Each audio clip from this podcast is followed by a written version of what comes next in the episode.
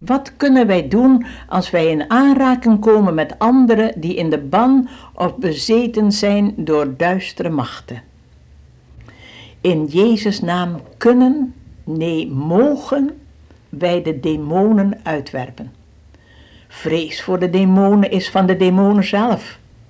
Als we met Jezus verborgen zijn in God, zijn we veilig. In Hem staan we sterk.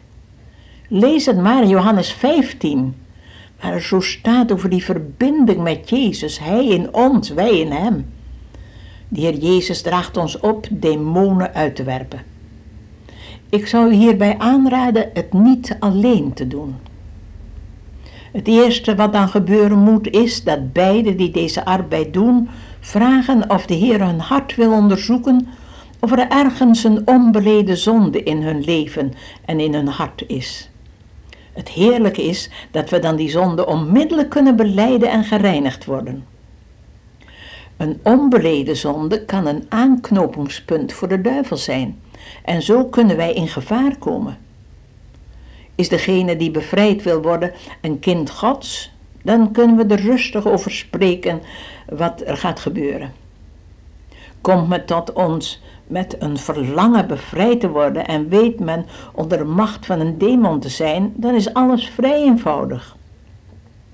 We moeten dan eerst bidden om de bescherming van het bloed van Jezus en dan de boze machten duidelijk toespreken in de naam van Jezus. Niet de naam van Christus, dat is zijn titel. De naam van Jezus is de naam die boven alle naam is en kracht heeft. Het is het beste de ander in de ogen te zien. En heel duidelijk kan en moet men dan tot de demonen spreken en hen in Jezus' naam gebieden uit deze persoon te gaan, daarbij niet vergetend hem te verbieden terug te komen of in een ander te gaan. Ik zeg er dan bij, ga naar de plaats die God je zegt te gaan.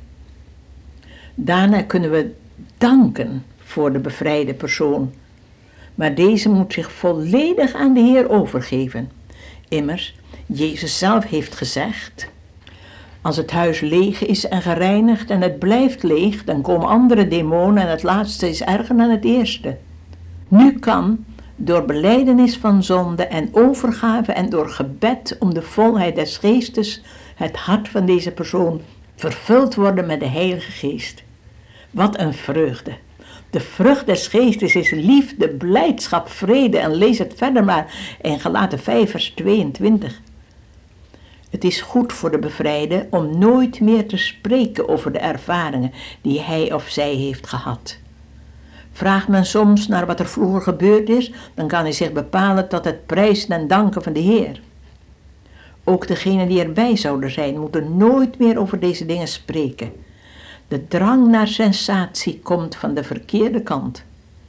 Raad de bevrijde om de Bijbel te lezen. Geef hem leiding door teksten als Hij die in u een goed werk begonnen is, zal dit ten einde toe voortzetten tot op de dag van Jezus Christus. Laat hem vooral zien op Jezus. Het is moeilijk als degene die onder de ban van de demonen is, zelf daar niet van af weet. Dan heeft men veel wijsheid nodig. Maar in Jacobus 1, vers 5 is ons beloofd alle wijsheid die we nodig hebben. Het is goed om in zo'n geval het woord de vijand of de boze te gebruiken in plaats van demon of duivel. Zelfs in de afwezigheid van iemand die bezeten of onder een ban is, kunnen wij, pleitend op de belofte uit de Bijbel, iets doen. En dat is dat wij op aarde binden kunnen in de naam van de Heer Jezus en dan zal het in de hemel gebonden zijn. Toen ik tijdens de oorlog in een concentratiekamp was en de dood voortdurend in de ogen zag, vond ik alles zo eenvoudig. Ik zag mezelf en ik zag de duivel. En de duivel was veel sterker dan ik. Maar ik zag ook Jezus. En Jezus was veel sterker dan de boze. En omdat ik aan Jezus' kant stond, was ik meer dan overwinnaar. Moet nooit vergeten dat Jezus altijd overwinnend is. En dat wij alleen in de rechte verhouding tot Hem moeten zijn. En dan stroomt zijn overwinnend leven door ons en raakt de anderen aan. We kunnen nooit te veel van de Heer verwachten. Halleluja, wat een heiland. Zij die met ons zijn, zijn veel meer en sterker dan zij die tegen ons zijn. Aan onze zijde staat een machtige hoge priester en legioenen van engelen. Een van de verschrikkelijke consequenties van de band der demonen is dat men zich niet bekeren kan. Ook al zou men dat willen. Als nu de persoon bevrijd is, kan men hem zeggen dat nu de weg open is. Spreek dan over de bekering, dat zij hun zwakke hand in de sterke hand van de Heer leggen, dat zij een heerlijk antwoord geven op Openbaringen 3, vers 20, waar Jezus zegt: Zie, ik sta aan de deur en ik klop. Indien iemand mijn stem hoort en de deur opent, ik zal bij hem binnentreden en maaltijd met hem houden en hij met mij. Deze beslissing voor de Heer Jezus maakt de engelen in de hemel blij. Zij die Jezus aannemen, geeft Hij macht kinderen Gods te worden. Als we het zo over demonen hebben gehad, is het toch heel goed dat we ook nog iets zeggen over engelen. Want een derde van de engelen maar, is maar gevallen. Dus als we het gaan uitrekenen, kunnen we zeggen: voor elke demon zijn er twee engelen. Het is heerlijk om de werkelijkheid van de engelen te weten, zoals in Hebreeën 1 staat: zijn ze niet alle dienende geesten die uitgezonden worden ten dienste van hen die het heil zullen beërven? Ja, wat is dat heerlijk te weten dat er veel meer engelen dan demonen zijn. En de engelen zijn realiteiten. Net zo goed als de demonen. En zij die met ons zijn, zijn veel meer en veel sterker dan zij die tegen ons zijn. Ik vind het altijd zo heerlijk om te horen op het zendingsveld hoe de vijand dikwijls engelen ziet. Ook als de gelovigen ze helemaal niet zien. In Afrika gebeurde dat, dat, een, dat vijanden een christelijke school omringden met het doel alle daar te vermoorden.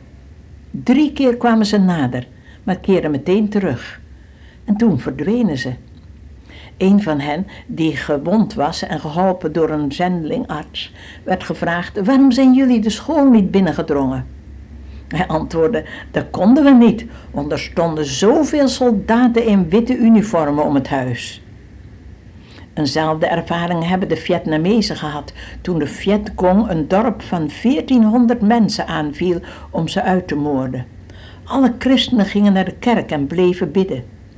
Ook daar waren het de vijanden die de engelen rondom het dorp hebben gezien, waarna ze zich teruggetrokken hadden en niet meer durfden binnenvallen.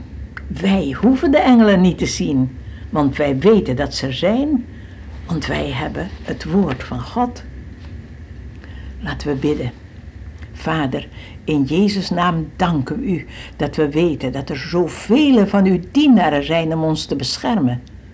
Wat zal het heerlijk zijn ze eens in de hemel te zien, maar wat een zegen dat ze ons nu al beschermen. Dank u voor uw voortdurende hoede en liefde.